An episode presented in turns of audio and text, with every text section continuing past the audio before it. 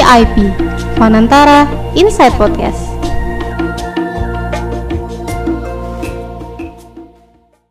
Halo VIPers, welcome back to Fanantara Inside Podcast dengan aku di sini Michelle yang akan nemenin kalian pada episode kita di hari ini yang ke-29. Tidak terasa, kita sudah memasuki bulan yang baru itu bulan Maret. Walaupun minggu lalu kita nggak ada VIP nih, tapi yang kangen tahan-tahan dulu karena hari ini kita udah balik lagi. Apa kabar nih VIPer semuanya? Semoga selalu dalam keadaan sehat ya. Tetap jaga protokol kesehatan dan juga jaga pola kehidupan yang sehat. Kali ini aku nggak sendirian nih, karena ada Cut juga di sini. Halo Cut, apa kabar? Halo Michelle, Alhamdulillah aku dalam keadaan sehat. Semoga kawan-kawan VIPers juga selalu dalam keadaan sehat ya. Nah, hari ini aku akan menemani Michelle di podcast episode ke-29 ya. Aku seneng banget hari ini kita bisa ngobrol-ngobrol lagi dengan topik yang semakin seru. Anyway, Cut, walaupun lagi pandemi ini atau mungkin sebelum-sebelum ini kali ya, kamu udah sempat main-main lagi belum sih ke kebun binatang? Karena aku udah jarang nih sebenarnya ke kebun binatang. Uh, kalau sebelum-sebelum pandemi pasti udah dong. Nah, di sana itu biasanya aku ngelihat banyak-banyak hewan nih. Ada hewan yang udah jarang ditemuin lagi loh, Shell. Di kebun binatang atau tempat konservasi hewan, para hewan itu bisa mendapatkan perlindungan karena populasi yang semakin sedikit. Nah, selain itu, mereka juga dikembangbiakan agar generasi di bawah kita bisa tetap melihat hewan-hewan langka yang ada di kebun binatang itu. Wah, cocok banget nih Cut sama pembahasan podcast kita hari ini. Karena hari ini kita mau bahas tentang konservasi hewan di Indonesia. Karena ternyata hewan-hewan langka ini populasinya mulai menurun. Salah satunya adalah harimau Sumatera yang memiliki peran cukup penting dalam ekosistem kita. Kira-kira bahaya nggak ya? Biar lebih jelas, yuk kita langsung sambut Mas Ahmad Faisal. Selamat datang di Fanantara Insight Podcast, Mas Ahmad. Halo, Michelle. Halo, Cut. Selamat siang. Siang juga, Kak. Nah, eh, Mas Faisal, gimana nih kabarnya selama menjalani masa-masa pandemi saat ini nih? Untuk kesibukan di masa tahun 2001 ini, gimana nih, Kak? Mungkin boleh dong dicerita-ceritain. Ya, COVID ini tentunya membawa perubahan ya, kayaknya ke hampir ke semua sektor pekerjaan ya kalau aku sendiri sih uh, lebih banyak uh, eh, WFH juga ya, tapi memang semenjak pertengahan 2020 sih udah mulai ke kantor lagi sama keluar kota ya, tapi frekuensinya nggak sesering dulu lagi. Tapi karena COVID ini kerjanya bisa dari mana-mana. Bener ya Mas, karena lagi COVID gini, contohnya kayak kita nih juga podcastnya dari rumah dari rumah masing-masing ya nggak Mas? Nah sebelum Betul. kita lanjut nih VIPers, ada baiknya nih kita kenalan dulu sama Mas, Faiz, Mas Faisal. Mas Faisal adalah Ketua Forum Harimau Kita. Forum Harimau Kita adalah lembaga independen masyarakat yang bergerak dalam perlindungan harimau Sumatera agar hidup harmonis berdampingan dengan manusia. Untuk melaksanakan kegiatannya, Forum Harimau Kita memiliki tiga misi, yaitu mempromosikan upaya konservasi harimau Sumatera dan bentang alamnya, menjadikan Forum Harimau Kita sebagai acuan utama dalam konservasi harimau Sumatera, serta memimpin dan memantau pelaksanaan strategi dan aksi nasional konservasi harimau Sumatera. Nah, itu dia deskripsi singkat mengenai forum harimau kita nih, Vipers. Selanjutnya, tanpa berlama-lama lagi, langsung aja nih, kita mulai sesi tanya jawabnya ya, Mas. Masuk ke pertanyaan pertama nih, Mas Faisal. Apakah bisa diceritakan bagaimana awal mula dibentuknya forum harimau kita? Dan apa sih fokus utama dari kegiatan Forum Harimau kita ini sendiri? Ya, terima uh, Michelle. Jadi uh, Forum Harimau kita adalah sebuah forum ya. Jadi kita perkumpulan terdiri dari individu-individu yang memang bergerak dalam upaya konservasi ataupun penyelamatan uh, salah satu jenis satwa karismatik kita ya kita ini salah satu yang beruntung Indonesia beruntung memiliki uh, harimau yaitu yang sekarang tersisa harimau Sumatera. Nah untuk forum ini sendiri uh, berdiri itu sejak tahun 2008. Jadi sebenarnya forum ini adalah mandat dari yang tadi sudah Michelle sebutkan tadi ada namanya dokumen uh, strategi rencana aksi konservasi pada itu adalah dokumen nasional ya yang diterbitkan oleh Kementerian Kehutanan pada uh, tahun itu itu sebagai acuan dalam pelaksanaan upaya penyelamatan harimau Sumatera. Lalu sebagai sebagai tugas utama mungkin bukan sebagai tugas utama ya sebagai fungsi utama forum ini sendiri itu sebagai kita sebagai think tank lah, sebagai wadah ya. Jadi karena kita sistemnya itu adalah individu gitu, jadi kita tidak membawa lembaga, walaupun individu-individu yang tergabung di forum itu berasal dari berbagai berbagai sektor. Di situ ada pemerintah, terutama dari Kementerian Kehutanan dan Lingkungan Hidup ya.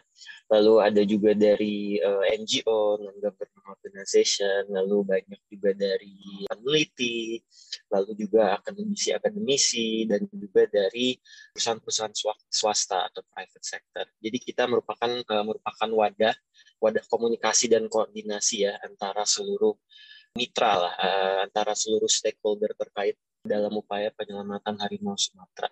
Wah, menarik banget nih Mas e, cerita bagaimana dibentuknya forum harimau kita ini. Nah, kalau dilihat dari website resmi harimau kita nih, terdapat enam bentuk kegiatan forum. Kalau boleh tahu, apa aja sih Mas arti dari kegiatan-kegiatan tersebut? Boleh nih diceritain. Iya, jadi kita punya enam program ya program kerja lah gitu ya. Ya di situ terlibat untuk memberikan uh, pelatihan, lalu juga terkait dengan uh, penelitian, ada juga untuk edukasi uh, tawan dan juga beberapa beberapa program lainnya yang uh, dirasa Eh, sebagai kegiatan-kegiatan utama atau pengarus utamaan dalam upaya penyelamatan harimau Sumatera. Lalu untuk kegiatan-kegiatannya sih itu cukup banyak ya dan memang biasanya yang dilakukan di forum harimau kita ini semuanya dalam bentuk kolaborasi. Jadi kita kerjanya itu nggak sendirian ya karena konservasi ini nggak bisa kita kerja sendirian. Jadi di situ kegiatan-kegiatannya itu uh, ada lumayan banyak ya. Misalnya seperti kampanye ya kampanye edukasi penyadartahuan dan itu biasanya dilakukan uh, dengan memanfaatkan momentum hari-hari tertentu misalnya seperti hari perayaan uh, hari hari harimau dunia atau uh, disebut Global Tiger Day yang jatuhnya pada bulan Juli setiap tahunnya. Nah itu uh, biasanya kita mengadakan kegiatan yang bertujuan untuk mengkampanyekan uh, konservasi harimau Sumatera, lalu edukasi dan penyadartahuan. Lalu ada juga kegiatan-kegiatan yang bersifat teknis ya, seperti misalnya pelatihan-pelatihan, apakah itu pelatihan untuk untuk uh, mengatasi konflik antara uh, manusia dan harimau ke perusahaan-perusahaan ataupun perusahaan-perusahaan pemegang konsesi misalnya, misalnya uh, perusahaan konsesi pemegang perkebunan kelapa sawit atau hutan tanaman industri. Nah, itu yang kita berikan pelatihan di situ ataupun pelatihan-pelatihan lainnya misalnya untuk uh, survei dan monitoring populasi harimau Sumatera. Itu itu contoh kegiatan kegiatan-kegiatan yang bersifat teknis. Lalu ada juga kegiatan-kegiatan yang bersifat levelnya nasional dan juga lintas sektoral ya. Misalnya seperti tadi yang sudah disebutkan tadi ada penyusunan uh, dokumen nasional, rencana aksi, strategi dan uh, konservasi untuk harimau Sumatera. Uh, jadi hal-hal seperti itu sih. Jadi setiap kegiatannya pasti merupakan kolaborasi dan juga ada juga kegiatan-kegiatan yang yang bersifat teknis lainnya seperti sapu jerat ya itu sudah dilakukan dari tahun 2017 sampai tahun 2019 kemarin. Rencana tahun 2020 mau kita laksanakan juga, tapi karena ada pandemi, jadi kita udah dulu. Nah itu untuk sapu jerat itu biasanya kita menerjunkan tim. Timnya itu berasal dari ada mahasiswa di sana, ada volunteer juga banyak, ada pelajar, ada forest ranger juga ya tim uh, Polhut ya polisi hutan yang ikut tergabung di situ untuk melakukan sapu jerat dan uh, jerat-jerat yang uh, berhasil ditemukan itu di, di, diambil diamankan lalu juga nanti dikumpulkan dan itu bisa dijadikan sebagai materi edukasi untuk uh, selanjutnya. Wah ternyata kegiatannya banyak banget ya Mas Faisal dari edukasi, pelatihan, dan juga semuanya itu bersifat kolaborasi dan yang pastinya menarik banget nih. Tapi kalau boleh tahu nih Mas, kira-kira program unggulan apa sih yang diinisiasi oleh Harimau kita terkait konservasi binatang?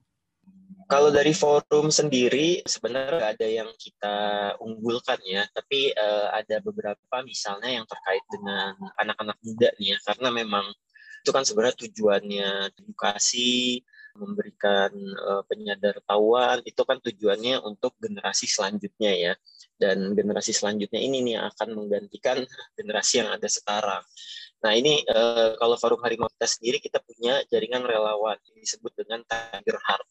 Nah ini Tiger Heart ini komposisinya itu dari mahasiswa-mahasiswi ya kebanyakan, lalu ada pelajar juga dan utamanya sih memang di Sumatera ya karena harimau Sumatera cuma ada di Sumatera gitu kan.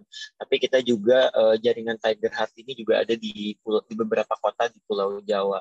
Uh, ini sebenarnya bukan unggulan sih, cuma uh, ini adalah salah satu upaya forum forum harimau kita dalam meng menggandeng lah anak-anak muda sekarang agar ke depannya anak muda sekarang bisa lebih lebih care dengan sumber daya alam yang kita miliki dan juga mengerti apa yang uh, diharapkan agar bisa menjamin keberlangsungan hidup jenis-jenis satwa yang dimiliki Indonesia ke depannya, terutama jenis-jenis satwa yang sudah terancam punah. Lalu juga forum ini seperti aku sudah sebutkan tadi ya, jadi memang kegiatan-kegiatan eh, yang kita punya ada fungsi ya. Jadi misalnya saat ini kita sedang uh, sedang mengadakan uh, survei, survei okupansi uh, harimau Sumatera atau survei nanti dari dari survei itu bisa didapat data-data kira-kira uh, dari seluruh Sumatera mulai dari Aceh di utara sampai dengan uh, Lampung itu area mana saja sih yang uh, berdasarkan data yang diambil masih memiliki uh, sebaran harimau ter, uh, sebaran harimau Sumatera. Nanti dari data-data tersebut uh, dari survei tersebut data-data itu itu bisa menjadi uh, informasi yang sangat uh, sangat penting untuk konservasi harimau Sumatera ke depannya dan itu tentunya akan uh, sangat bermanfaat untuk pemerintah Indonesia pada uh, khususnya tapi juga secara umum akan sangat bermanfaat untuk seluruh mitra ya mitra yang uh, memiliki concern terhadap konservasi harimau Sumatera. Berarti kalau bisa aku simpulin tuh sasarannya itu ke mahasiswa yang berarti kayak anak-anak remaja untuk keberlangsungan untuk kita tuh bisa aware gitu ya di masa depan nantinya. Pastinya Mas, Mas Faisal dan tim pernah dong turun langsung ke lapangan seperti aku dengar sebelumnya. Nah, pengalaman apa nih yang kakak dapat ketika berada di lapangan dan apakah pernah mengalami kendala dan bagaimana cara Mas dan tim menangani kendala-kendala tersebut? Kalau turun ke lapangan sih sering ya, tapi uh, biasanya agak beda konteksnya ketika kita turun ke lapangan misalnya dalam bukan aksi kampanye atau edukasi e, sama dengan kita turun ke lapangan untuk melakukan kegiatan teknis ya misalnya untuk survei ataupun yang tadi ya misalnya sapu jerat. Itu e, agak beda konteksnya. Tapi memang kalau misalnya untuk kendala kendala sih pasti uh, selalu ada ya. Makanya kita selalu mengutamakan komunikasi yang baik ya. Terutama jika seperti yang aku sudah sebutkan tadi karena kita kegiatan kan semuanya bentuknya kolaborasi ya. Baik. Itu dari pemerintah universitas uh, lalu juga praktisi-praktisi lainnya lalu juga dari perusahaan-perusahaan swasta dan itu uh, banyak sekali mitra yang terlibat di situ. Nah, kendala pasti ada terutama dalam hal komunikasi ya, tapi itu bukan kendala yang tidak bisa diselesaikan pastinya. Itu bisa diselesaikan dengan uh, komunikasi yang uh, intens dan terbuka aja satu sama lain.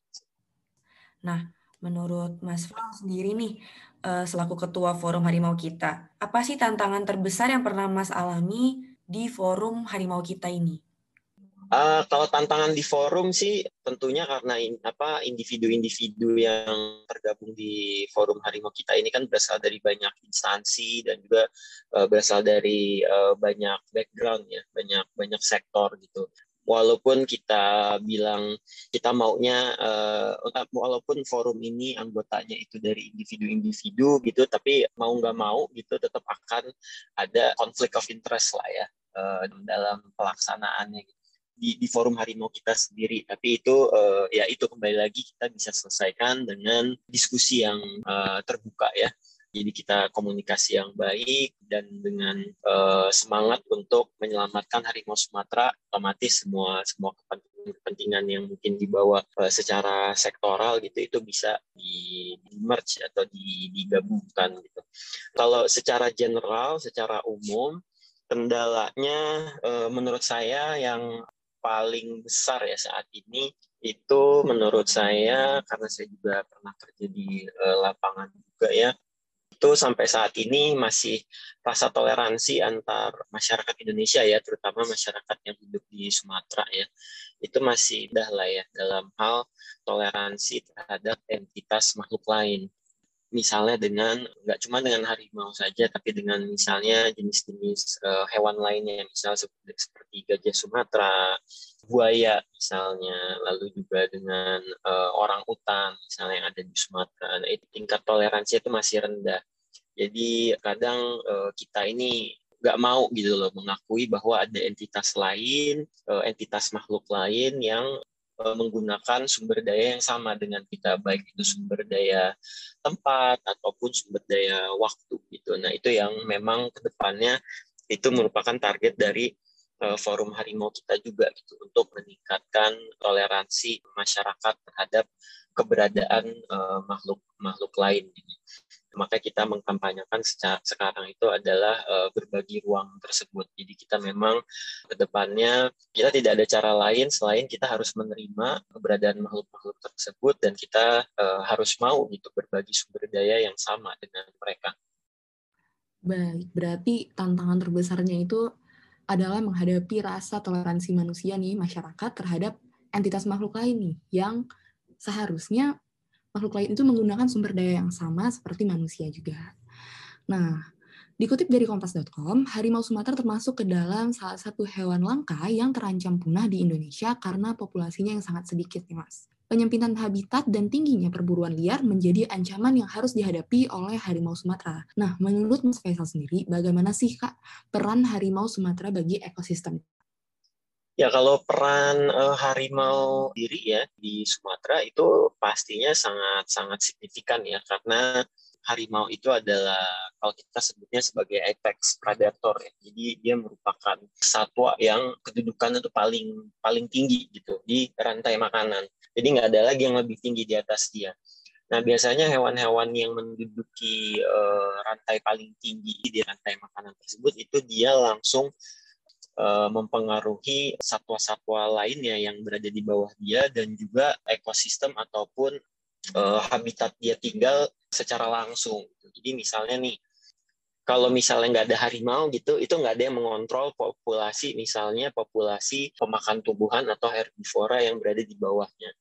Nah, contohnya misalnya uh, babi hutan karena tadinya uh, predator alaminya adalah harimau gitu populasi babi hutan dan juga herbivora lainnya misalnya rusa gitu itu akan meningkat dan tidak terkontrol gitu. dan itu akan akan akan menjadi masalah ya mungkin dari entitas uh, makhluk yang lain misalnya tumbuhan gitu jadi karena banyaknya herbivora karena tidak terkontrol karena nggak ada nggak ada pemburu alaminya tumbuhan itu nggak nggak akan bisa sampai tinggi. Dia nggak akan sampai tinggi eh, masih masih masih rendah itu semuanya sudah uh, dimakan habis gitu oleh herbivora-nya lalu untuk manusia sendiri misalnya karena kan uh, di Sumatera juga banyak pertanian ya. Misalnya karena karena nggak adanya harimau di suatu area di area tersebut jumlah jumlah babi hutannya meningkat herbivora yang lain meningkat, maka mereka akan bisa menjadi hama dan itu akan merugikan uh, bagi manusia juga. Jadi memang memang untuk fungsi harimau Sumatera sendiri di ekosistem dia itu sangat sangat sangat besar ya dan uh, sebagai uh, yang menduduki di peringkat paling atas di rantai makanan itu dia akan mempunyai efek yang uh, langsung ya dan sangat besar bagi ekosistem tempat dia tinggal. Wah, ternyata tanpa kita sadari kalau ternyata harimau Sumatera atau harimau itu sendiri dampaknya sangat besar banget untuk ekosistem alam dan juga untuk kehidupan manusia ya, Mas.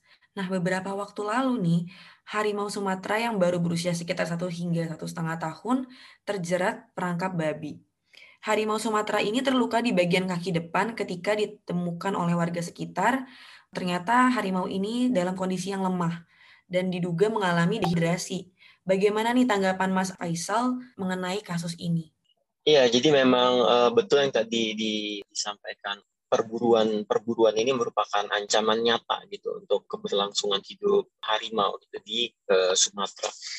Penggunaan penggunaan jerat ini sendiri merupakan alat yang berburu yang paling umum digunakan ya di Sumatera. Tapi nggak cuma di Sumatera aja, di seluruh seluruh tempat termasuk uh, di pulau lain di Indonesia Tapi uh, penggunaan jerat ini memang yang paling umum digunakan oleh pemburu gitu. Jadi biasanya mereka naruh jeratnya itu kan nggak satu dua tiga aja gitu ya jadi karena ya untuk meningkatkan uh, probabilitas lah untuk menangkap hewan, otomatis mereka e, menanam banyak jerat itu. Jadi lebih banyak jerat yang dipasang, otomatis akan meningkatkan keberhasilan dalam menangkap satwa.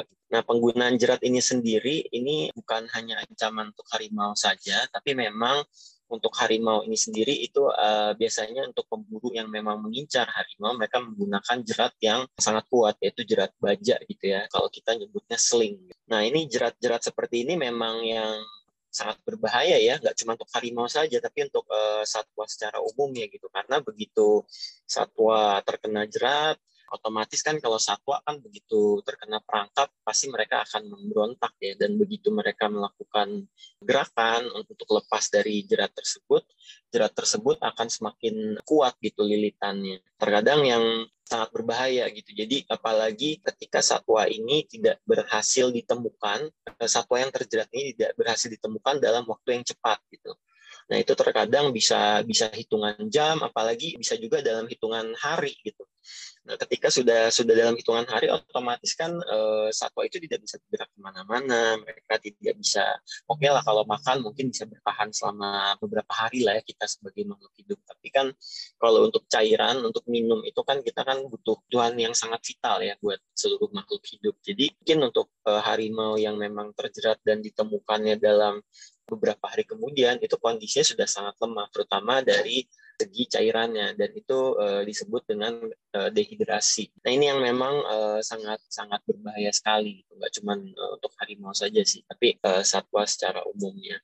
Berarti benar-benar berbahaya ya kak penangkapan dengan jerat ini. Nah selanjutnya nih, menurut Mas Faisal ada nggak sih tantangan dalam mendorong masyarakat untuk peduli terhadap keadaan hewan langka saat ini? Kalau tantangan pasti banyak ya, terutama apalagi kalau tantangan itu bersifat ekonomi ya, pasti kan itu menjadi tantangan yang sangat besar ya.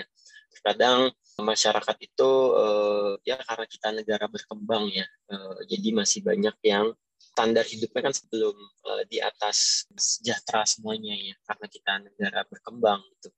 Nah jadi terkadang kendalanya adalah mencoba untuk mengajak masyarakat untuk peduli terhadap entitas makhluk lain, sedangkan untuk kebutuhan hidupnya e, masyarakat itu sendiri itu masih belum optimal untuk mereka penuhi. Nah itu menjadi tantangan yang sangat berat.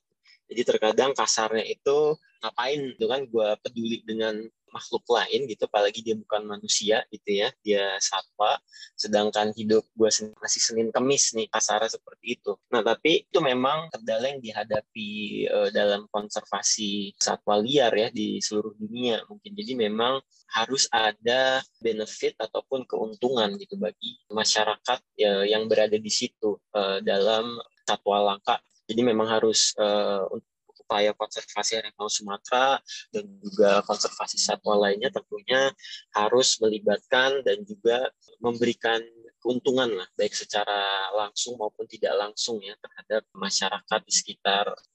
Berarti memang kembali lagi seperti yang tadi juga sebelumnya Mas Faisal bilang kalau tantangannya juga adalah toleransi dari masyarakat itu sendiri gitu ya Mas ya dan oleh karena itu harus Betul. ada harus ada manfaat yang harus dikasih nih gitu ya dari dari kita supaya mereka mau nih untuk meningkatkan kesadaran mereka tentang betapa pentingnya sebenarnya untuk melestarikan hewan-hewan ini gitu ya nggak hanya harimau tapi juga entitas lain seperti yang tadi Mas Mas Faisal udah bilang. Sebagai millennials nih Mas, apakah ada langkah sederhana yang dapat kita lakukan untuk melindungi hewan-hewan langka di Indonesia khususnya harimau Sumatera? Karena pasti VIPers juga pada penasaran nih untuk bisa memulai sesuatu hal yang kecil yang mungkin bisa kita lakukan dari rumah aja gitu ya dan datang dari diri kita sendiri untuk berkontribusi dalam melindungi hewan-hewan langka ini ter eh, terlebih untuk harimau Sumatera.